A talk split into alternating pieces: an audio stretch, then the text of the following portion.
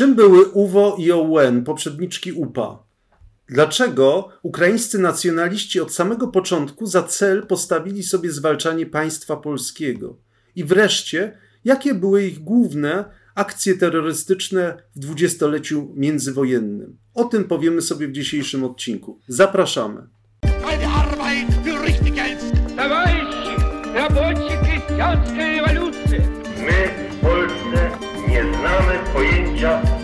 Pokoju za wszelką cenę.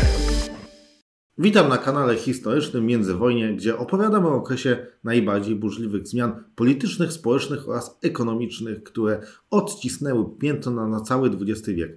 Nazywam się Jarosław Kornaś. A ja Stanisław Żuławski i zapraszamy do podróży, gdzie będziemy ujawniać kulisy i sekrety szalonych lat dwudziestolecia międzywojennego. Witam wszystkich Państwa w najnowszym odcinku na kanale Międzywojnie. Już e, wcześniej wzięliśmy na warsztat temat Ukrainy, a dokładnie powstanie państwa ukraińskiego, historię państwowości. I moim Stanisława zdaniem podejmujemy się teraz kolejnej takiej tematyki związanej z Ukrainą, a mianowicie będziemy rozmawiali na temat terroryzmu ukraińskiego. I moją i z moim Stanisława zdaniem jest to temat e, dość taki, można powiedzieć, że zapomniany, ale niezwykle ciekawy, ważny i interesujący polskiej debacie historycznej właśnie pokutuje przekonanie, że ukraiński terroryzm i ogólnie rzecz biorąc ukraiński nacjonalizm był odpowiedzią, może zbyt drastyczną, ale poniekąd uzasadnioną, na polską politykę względem Ukraińców, na ograniczenia szkolnictwa ukraińskiego, rozwiązywanie ukraińskich organizacji i na akcje pacyfikacyjne. Tymczasem początki terroryzmu i nacjonalizmu ukraińskiego sięgają samych początków II Rzeczpospolitej. Przecież już w 1921 roku doszło do nieudanego zamachu na, uwaga, Józefa Piłsudskiego, polityka, który był jak najdalej od nacjonalizmu i opowiadał się za współpracą z Ukraińcami. Stanisławie, przybliż nam okoliczności właśnie tego wydarzenia. Witam Państwa. Otóż sytuacja przedstawiała się w ten sposób, że jak pamiętamy, Polska wygrała z Ukrainą tą wojnę konstytucyjną, jeśli chodzi o konstytuowanie się granic państwa polskiego, odbiła Lwów z rąk ukraińskich. I w 2021 roku, dokładnie 25 września, miało dojść do takiego wydarzenia uroczystego otwarcia targów wschodnich właśnie w Lwowie z udziałem marszałka Józefa Piłsudskiego. Wydarzenie to miało na celu podkreślenie takich polskich więzi właśnie z tym miastem. Było to wydarzenie o charakterze takiej promocji gospodarczej, promocji gospodarczej Polski. Natomiast tu chodziło o ekspozycję, wystawę. Natomiast dodatkowo Piłsudski spotkał się wtedy z wojewodą lwowskim, Kazimierzem Grabowskim i wyszedł z ratusza, udał się w kierunku limuzyny, która czekała zaparkowana na Piłsudskiego i w pewnym momencie e, młody człowiek oddał dwa strzały.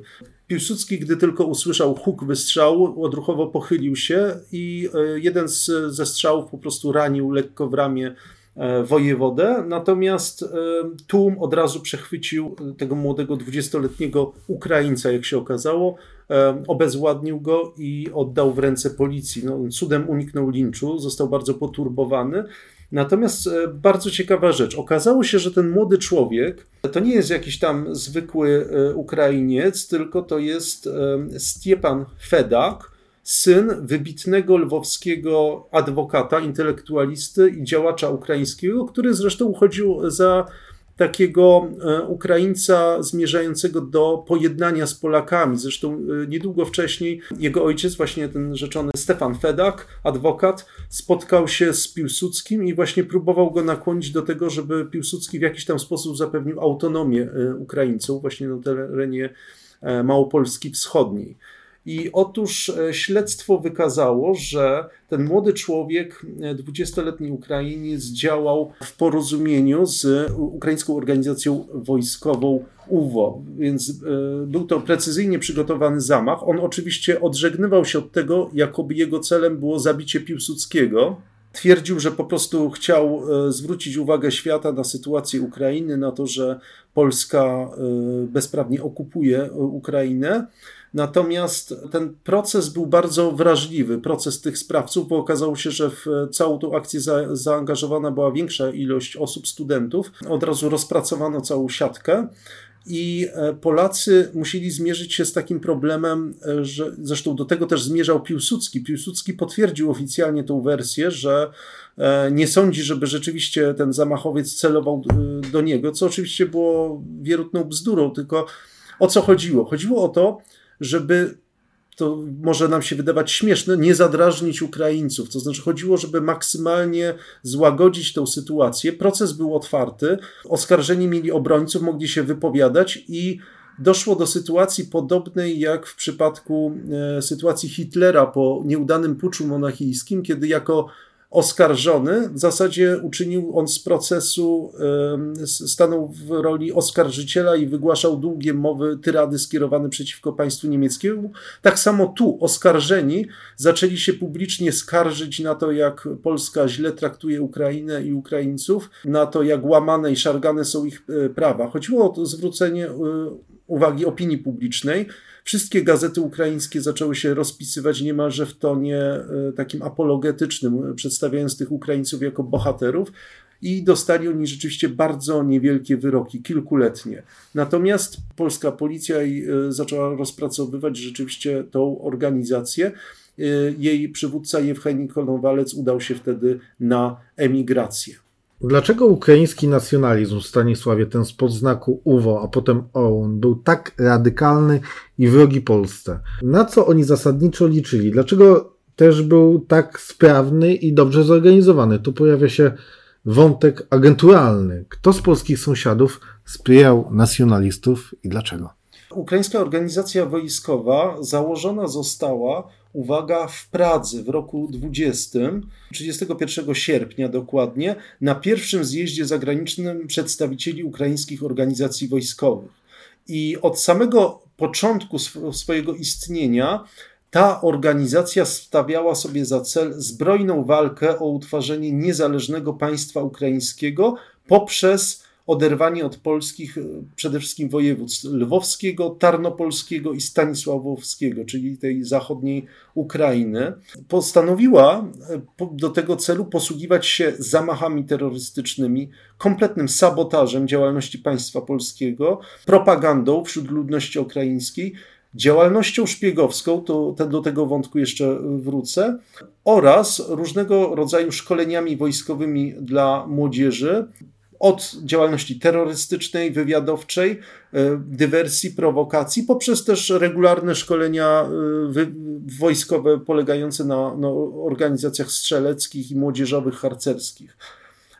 I ostatni cel zaognić i tu się odpo pojawia odpowiedź na to pytanie, dlaczego byli tak agresywni, dlaczego od razu terror był, e, stawiali na terror, Otóż chodziło o to, że nawet e, dla nich na rękę było to, że zmuszano państwo polskie do ostrej e, reakcji na ich działania i prześladowania ludności ukraińskiej. Dla nich ta sytuacja e, była spełnieniem się takiej zasady, tak to Lenin kiedyś nazwał, im, le, im gorzej, tym lepiej. To znaczy stworzenie takiego ciśnienia i napięcia pomiędzy Polakami i Ukraińcami, by nie doszło do porozumienia.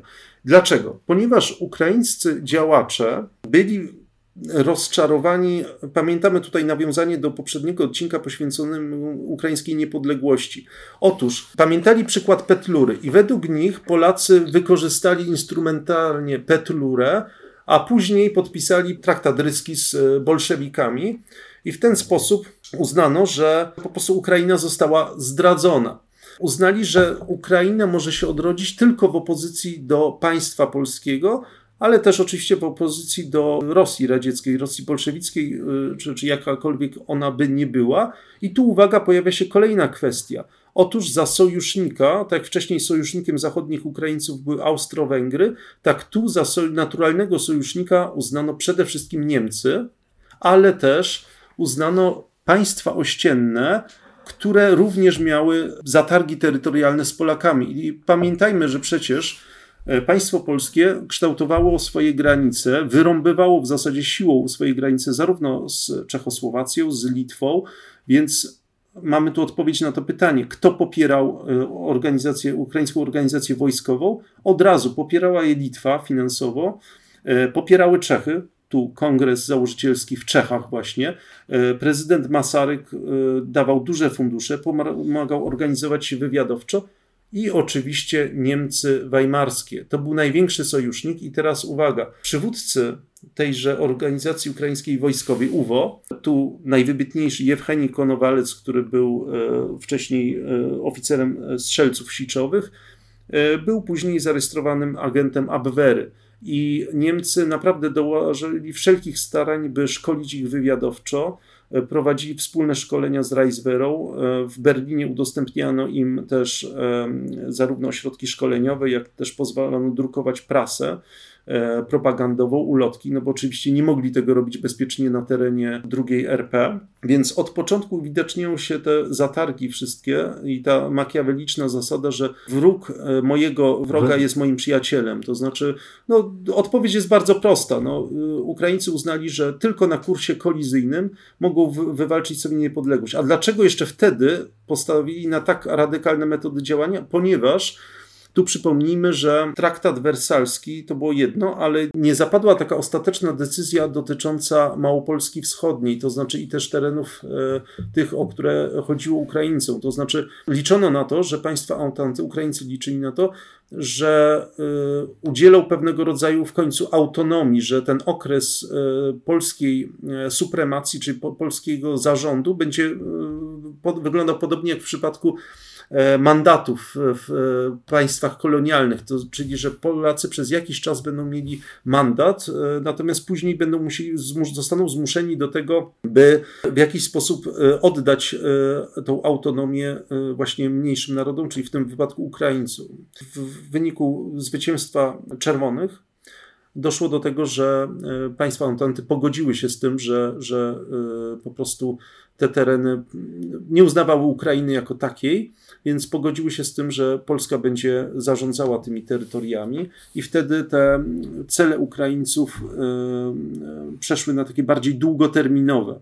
Więc ten, ten początkowy etap był e, nacechowany taką działalnością skrajnie dywersyjną. Tu też trzeba powiedzieć, że inspirowali się działalnością Irlandzkiej Armii Republikańskiej w tym początkowym okresie oraz, co ciekawe, dla nich takim wzorem paradoksalnie był sam Piłsudski i, i e, Polska Organizacja Wojskowa, właśnie te wszystkie zamachy terrorystyczne, oni się na tym właśnie wzorowali. Uznali, że tylko działalnością zbrojną i terrorem można wywalczyć sobie pewne prawa. I tu działali też w takim, odcinali się od starszych działaczy narodowych ukraińskich, uznali, że oni byli zbyt y, ulegli, spolegliwi i trzeba nadać temu ruchowi taką bardziej agresywną i taką bezwzględną formę. Taki dynamizm, można tak, by powiedzieć. Tak, był to ruch taki, można powiedzieć, trochę protofaszystowski. Y, I później zresztą to zostanie potwierdzone, kiedy rzeczywiście y, następczyni UWO, OUN, która powstanie w 1929 roku, E, będzie organizacją ściśle inspirowaną ruchami faszystowskimi i nazizmem. To znaczy, tam już ten nacjonalizm przybierze takie formy skrajne, wręcz religijne. Tak, tutaj można jeszcze dodać o tym dekalogu prawdziwego Ukraińca. Ukraińskiego nacjonalisty. Ukraińskiego tak. nacjonalisty, dokładnie. I te związki z Niemcami narodowo-socjalistycznymi, no to one właśnie od tych lat 30. Y, do lat 40. No. Przepraszam jeszcze z Republiką Weimarską, bo te zamachy to jeszcze były. Y, już Republika Weimarska y, szkoliła tych wszystkich działaczy. Oczywiście później Trzecia Rzesza przejęła. No tak, myślę, że też podejmiemy się takiego tematu związanego z próbą wywołania powstania na tych kresach wschodnich w 1939 roku, bo taki pomysł był. Do niego nie doszło, między innymi z powodu takiego, że Związek Radziecki dołączył się do wojny 17 września, ale pomysł jako taki istniał i funkcjonował. Ale wracając jeszcze do tematu, do ostatniego, do mojego pytania do Ciebie, Stanisławie, jeżeli mówimy o poglądach ideowych y, ukraińskich nacjonalistów, to y, te fundamenty, czy one można powiedzieć, stworzyły to ziarno, które doprowadziło do rzezi na Wołyniu i e, w Małopolsce Wschodniej w 1943, kiedy była ta kulminacja oczywiście, bo do tych różnych zbrodni dochodziło już na samym początku e, wojny obronnej 1939. Oczywiście, tu wracamy do e, poruszonej już kwestii tego dekalogu ukraińskiego nacjonalisty e, oraz do postaci Dymitro Dońcowa, który był takim duchowym ojcem tego ruchu. Oczywiście on nie był takim działaczem e, ściśle politycznym, był raczej takim myślicielem, tak można byłoby to ująć ideologię Dymitro Doncow. Otóż tak, z jednej strony mamy dekalog ukraińskiego nacjonalisty wydany w 29 roku, e, opracowany przez Stepana Łękawskiego. E, motto do tego dekalogu napisał wspomniany Dońcow, a w tym dekalogu, e, takim, no sama nazwa zresztą to, to nawiązuje, taka, biblijna, więc to ma taki parareligijny charakter.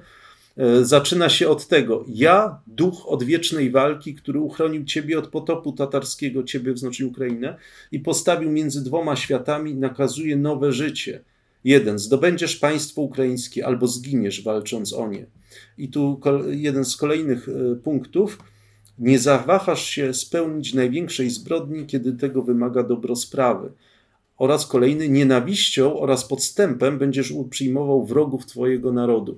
Więc jak widzimy, e, ten dekalog sam w sobie ma już bardzo taki złowieszczy charakter, który e, no, nie daje złudzeń. To znaczy, podpisując się czy wypowiadając słowa tego dekalogu, człowiek zobowiązywał się do walki wszelkimi dostępnymi środkami, więc praktycznie każda zbrodnia, zresztą to zostało expressis verbis wyrażone w tym, co, co zresztą przeczytałem, była dopuszczalna. Otóż Dymitro Dońcow, e, wbrew pozorom, on nie był tak, aż tak antypolski e, w sensie ścisłym, to znaczy politycznie uważał, że nawet on akurat uważał, że największym wrogiem Ukrainy jest Rosja, natomiast i dopuszczał w pewnym momencie nawet jakiś pewnego rodzaju sojusz z Polską, E, zresztą wydał taką, ta, taką broszurę w 26 roku Nacjonalizm Ukraińskim. Natomiast jeśli chodzi o jego poglądy ideologiczne, to był on zwolennikiem e, faszyzmu, a później nazizmu wprost.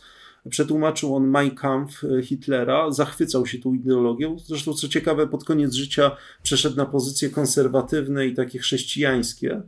Natomiast w tamtym okresie ten jego nacjonalizm, ta jego doktryna opierała się na takim E, bardzo, powiedziałbym, e, specyficznym e, podejściu, to znaczy w przeciwieństwie do nazizmu wyzbyta była takich cech mitologicznych, to znaczy nie było, to, nie było tam rasizmu w sensie ścisłym, był to raczej taki manifest bardzo materialistyczny, to znaczy z jednej strony można powiedzieć, że były wpływy marksistowskie, a z drugiej darwinows, darwinistyczne, to znaczy to było stricte takie podejście socjal-darwinistyczne. On stwierdził, że narody są podobne do stad w świecie zwierzęcym, no i te stada walczą między sobą e, o to, żeby zająć konkretne terytorium i, i e, w razie potrzeby wy, wypędzić czy wytrzebić e, inne, inne stado. No i uznał, że po prostu naród jest takim stadem, spada jaje, tu akurat po prostu język i kultura, ale tu chodzi tylko o spoiwo takiej grupy i ten naród ma wspólne interesy i musi je realizować drapieżnie za wszelką cenę, nie oglądając się za niczym, bo to jest prawo natury.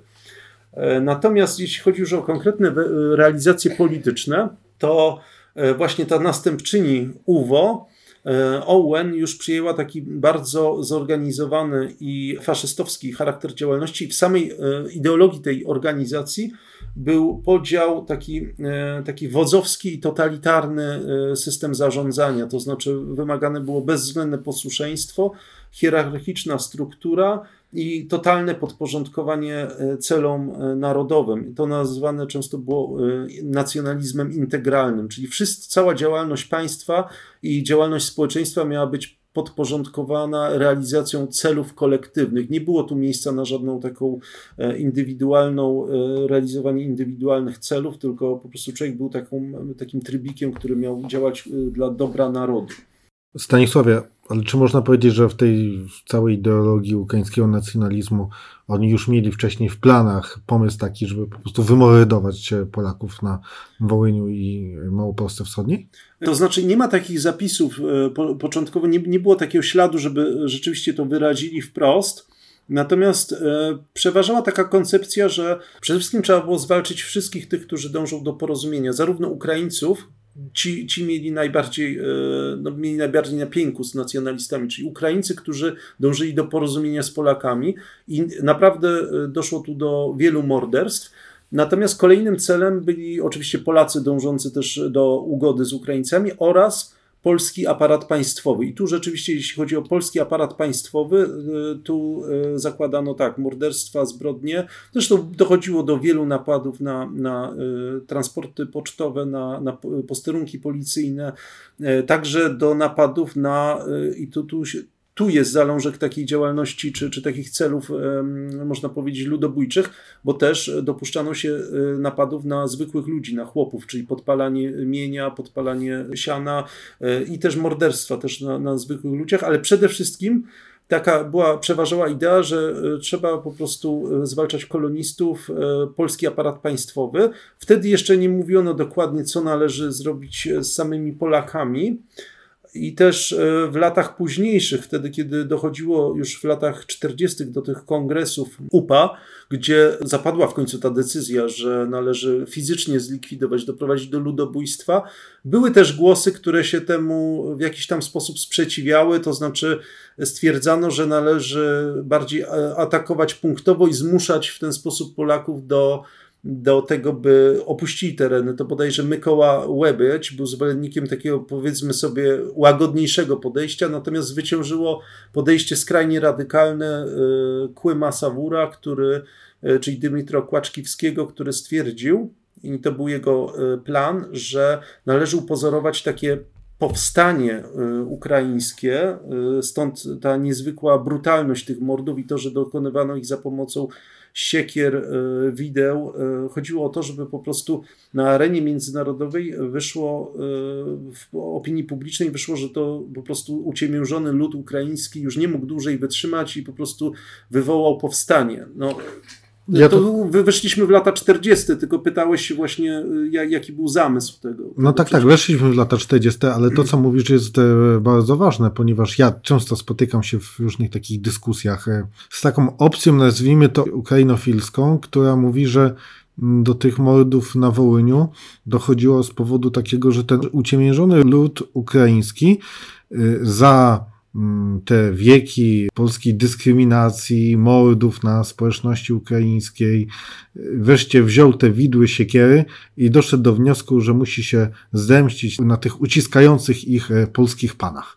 To znaczy, to jest stricte narracja e, upowska, to znaczy właśnie do tego upowcy dążyli, natomiast e, ich, to, to była precyzyjnie zorganizowana akcja i wszystko na to wskazuje od rozkazów poprzez to, jak została przeprowadzona, była skoordynowana a to, że dokonywali także chłopi, czyli ta tak zwana czerń, no to też było wyreżyserowane, to znaczy y, upowcy zbierali chętnych albo po prostu kusili ludzi łupami. Tym, że, że albo dostali... zmuszali. Tak, albo zmuszali, bo też były przypadki, że ktoś, y, to o tym profesor Motyka wspominał, że był taki przypadek, gdzie rodzina ukraińska ukryła polskich sąsiadów w piwnicy, ale jednocześnie po prostu wyszła mordować Polaków, ponieważ e, upowcy wzięli e, zakładnika, żonę tego człowieka, który jednocześnie uratował jedną rodzinę, ale z drugiej strony no, poszedł na rzeź, ponieważ e, tak, brano też zakładników. To były takie przypadki, zresztą natomiast o, o co chodziło? Dlaczego dopuszczono się tak brutalnie tego mordu? Otóż Kłaczkiwski był również prawnikiem i on uznał, i tu wracamy do dwudziestolecia, on obserwował to, co się działo z polskimi terytoriami spornymi z e, Niemcami, czyli tam Śląsk, Warmia, Mazury. E, chodziło o plebiscyty.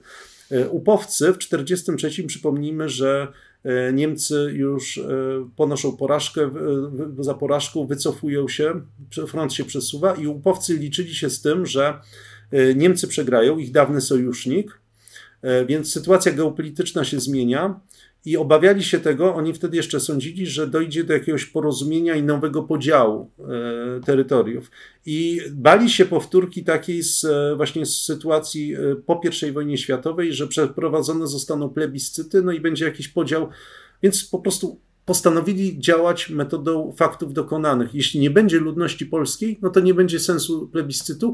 A oczywiście nie chcieli formalnie, żeby wyszło na to, że oni dokonali mordu, ponieważ no, nikt nie chciałby z nimi rozmawiać na, na forum międzynarodowym, więc e, po prostu upozor, chodziło o upozorowanie takiego powstania y, ludowego, no, które wybuchło spontanicznie, no i widocznie no, po prostu ciężko, ciężko ukarać czy, czy odnieść się do, do winy zbiorowej. Więc to jest odpowiedź pokrótce na to, dlaczego tak się stało, a nie inaczej. Na początku, Stanisławie, wspomniałeś o, o zamachu na Józefa Piłsudskiego z początku polskiej niepodległości przeprowadzonego właśnie przez nacjonalistów ukraińskich. A jakie były największe akcje ukraińskich nacjonalistów właśnie w dwudziestoleciu międzywojennym, bo mamy tutaj Piłsudskiego wspomnianego, był też Pieracki, o czym teraz rozwiniesz. Jaka była też skala tej dywersji, jak to wyglądało w liczbach? No więc e, skala tej dywersji to było około e, kilkudziesięciu śmierci, e, w tym polskich, ukraińskich. To były akcje, które mniej więcej kilka miesięcznie na kresach pojawiały się takich akcji typu napady na ambulanse, podpalenia, rozboje, Najwięcej chyba było tak, tak zwanych akcji apropriacyjnych, czyli to była kopia tego, co, co właśnie bojowcy Piłsudskiego z PPS-u robili na, w zaborze rosyjskim, czyli właśnie napad, napadów na transporty i na pocztę i rabunków. No, chodziło głównie o zdobycie finansowania, zasilania finansowego. Najsłynniejsze takie morderstwo to było zabicie 29 sierpnia 1931 roku przez członków OUN E, po, w Truskawcu posła Tadeusza Hołówki, który był wielkim e, takim adwokatem zbliżenia polsko-ukraińskiego i złagodzenia tego kursu. E, największy taki zamach, najbardziej spektakularny powiedzmy sobie i o nim sobie więcej powiemy. To jest oczywiście 15 czerwca 1934 roku zabójstwo ministra spraw wewnętrznych Bronisława Pierackiego i to nie w byle jakim miejscu, ponieważ e, przed restauracją e, przy ulicy Foksal w Warszawie. I e, to wydarzenie jest o tyle istotne, że miało szerszy kontekst geopolityczny. Jak już wspomniałem, organizacja ukraińskich nacjonalistów była prowadzona praktycznie od początku przez Abwehrę. I te wszystkie zamachy, te, te akcje były w większości konsultowane. Niemcy byli świadomi tego, co się dzieje i celem Niemców była destabilizacja państwa polskiego, ale z drugiej strony tym celem ważniejszym było też zbieranie informacji o polskim wojsku, ponieważ, no, jak wiemy, też służyło wielu obywateli pochodzenia ukraińskiego, więc e, działalność wywiadowcza. Natomiast to zabójstwo Pierackiego zbiegło się w czasie ze zwrotem geopolitycznym. Otóż w 1934 roku zaczęło się takie ocieplenie chwilowe w stosunkach polsko-niemieckich. E, niedawno była wizyta e, Józefa Goebbelsa w Polsce i tu właśnie ten sprawca zamachu, który początkowo zbiegł z miejsca zamachu po zastrzeleniu Pierackiego, e, Okazało się, że służby polskie dotarły na jego ślad, to znaczy okazało się, że wsiadł na statek w Gdańsku zmierzający do portu w Hamburgu. No i oczywiście jedyną drogą dotarcia do tego człowieka był kontakt z, niemieckimi, e, z niemiecką administracją. I co ciekawe, skontaktowano się bezpośrednio e, z e, Gestapo. Okazało się, że, że Niemcy wydali tego człowieka. Akcja nie była konsultowana, ponieważ w tamtym czasie, tak jak powiedziałem, w 1934 jest ocieplenie relacji polsko-niemieckich i ta akcja akurat nie była przynajmniej oficjalnie konsultowana z Niemcami. Była to już samodzielna akcja y, nacjonalistów ukraińskich. Y, natomiast ta akcja miała o tyle wielkie znaczenie, że była takim policzkiem dla państwa polskiego. To znaczy, y, no, to był zamach jednak już nie gdzieś na kresach, gdzie, gdzie rzeczywiście było mało posterunków policyjnych, gdzie, no, można powiedzieć, no, powiedzmy sobie wprost, były to kresy też cywilizacyjne. No, ludność polska była w mniejszości, nie w każdej wiosce była w ogóle policja, mało kto miał broń, natomiast tu było w samym centrum państwa. Co ciekawe, e, źródła tego zamachu mieściły się w Krakowie, na rynku w Dębnikach pod numerem 13 E, w kamienicy było mieszkanie. Zresztą później, co ciekawe, okazało się, że było monitorowane cały czas przez polską policję. E, z kamienicy naprzeciwko cały czas monitorowana i obserwowana była działalność e, młodych studentów ukraińskich. Główny lokator był studentem Uniwersytetu Jagiellońskiego, natomiast cały czas kurso, kursowali studenci w pociągach z Lwowa do Krakowa. No i okazało się, że przemycali tam po prostu gazetki propagandowe OUN ale też broń. Znaleziono tam e, domowej roboty bomby, e, broń palną, więc było to takie, można powiedzieć, gniazdo tych, tych e, terrorystów. I stamtąd właśnie ten zamachowiec wyruszył. Natomiast polska policja no, nie, nie dopatrzyła, po prostu śledziła go. Tak, zresztą większość tych, tych ludzi, którzy byli śledzeni prze, przez miesiące, doprowadziła go na dworzec, tylko nie zauważyła, że tym razem wsiada nie do pociągu jadącego do Lwowa, ale do Warszawy. E, no, pewnie dałoby się tego uniknąć, tej tragedii, gdyby, gdyby nie ten fakt właśnie. E, natomiast to wydarzenie miało szerokie reperkusje i to nie tylko względem Ukraińców. Względem Ukraińców miało takie, że rzeczywiście zorganizowano szeroko zakrojoną e, akcję odwetową. E, zaczęły się właśnie te, te, te, te, działania związane z burzeniem cerkwi, z, z wyłapywaniem tych członków na, OUN na, nalotami i to można powiedzieć, że był w rezultacie duży cios w działalność tej organizacji. Natomiast e, wykorzystano ją politycznie do tego, i to początkowo też były takie głosy, żeby zwalczać opozycję polityczną. To znaczy, początkowo twierdzono, że za zamachem tym e, być może stoją ludzie związani z ONR-em, no i też był to pretekst do tego, żeby założyć e, obóz w Beredzie Kartuskiej, do którego trafili zarówno narodowcy polscy, jak i ukraińscy nacjonaliści i komuniści. Ale czy problem tego terroryzmu nacjonalistów ukraińskich został w jakikolwiek sposób rozwiązany, Stanisław? Nie, w żaden sposób nie został rozwiązany i wręcz te akcje odwetowe, y, które rzeczywiście już dotknęły wtedy y, większość ludności ukraińskiej, no tylko spowodowały, y, rozszerzyły niechęć do Polaków tu rzeczywiście zareagowano w zły sposób. Tak samo zresztą jak Bandera, który został osadzony w, w więzieniu y, w, w, w, Berezie. No nie, nie został wykonany na nim wyrok śmierci. To jest zupełnie niezrozumiała, y, niezrozumiała decyzja i kiedy Niemcy y, kiedy zajęto te tereny, został po prostu wy, wypuszczony z więzienia. Można powiedzieć, że litość to zbrodnia, Stanisławie. W tym wypadku tak, zdecydowanie. To już jest koniec naszej opowieści dotyczącej terroryzmowi ukraińskiemu w dwudziestoleciu międzywojennym. Możemy na pewno obiecać to, że temat y, dotyczący relacji polsko-ukraińskich będzie poruszany na naszym kanale przy innych okazjach. A teraz e, ze swojej Stanisława strony mogę zachęcić wszystkich Państwa do lajkowania i subskrybowania kanału, jeżeli ktoś jeszcze tego nie zrobił. Oraz mm, mam doskonałą informację tutaj w imieniu Stanisława, że będzie drugie wydanie książki przed e, Hitlerem, także zachęcam wszystkich do obserwowania naszych mediów e, społecznościowych. Książka będzie miała po pierwsze trochę inny tytuł, a po drugie będzie to książka uzupełniona, także Myślę, że ci, którzy jeszcze nie zakupili, dostaną coś e, ekstra powiększonego. Ci, którzy już kupili, no to oczywiście będą mogli też e, kupić drugie wydanie. I tak jak mówię, będzie to książka poszerzona, będzie więcej wątków związanych właśnie z narodowym e, socjalizmem.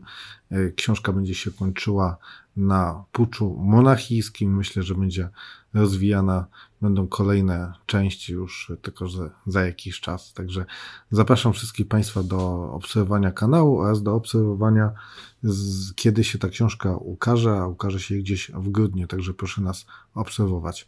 Dziękuję serdecznie ze swojej strony. Jasław Koronaś. Stanisław Żuławski. Dziękuję i pozdrawiam.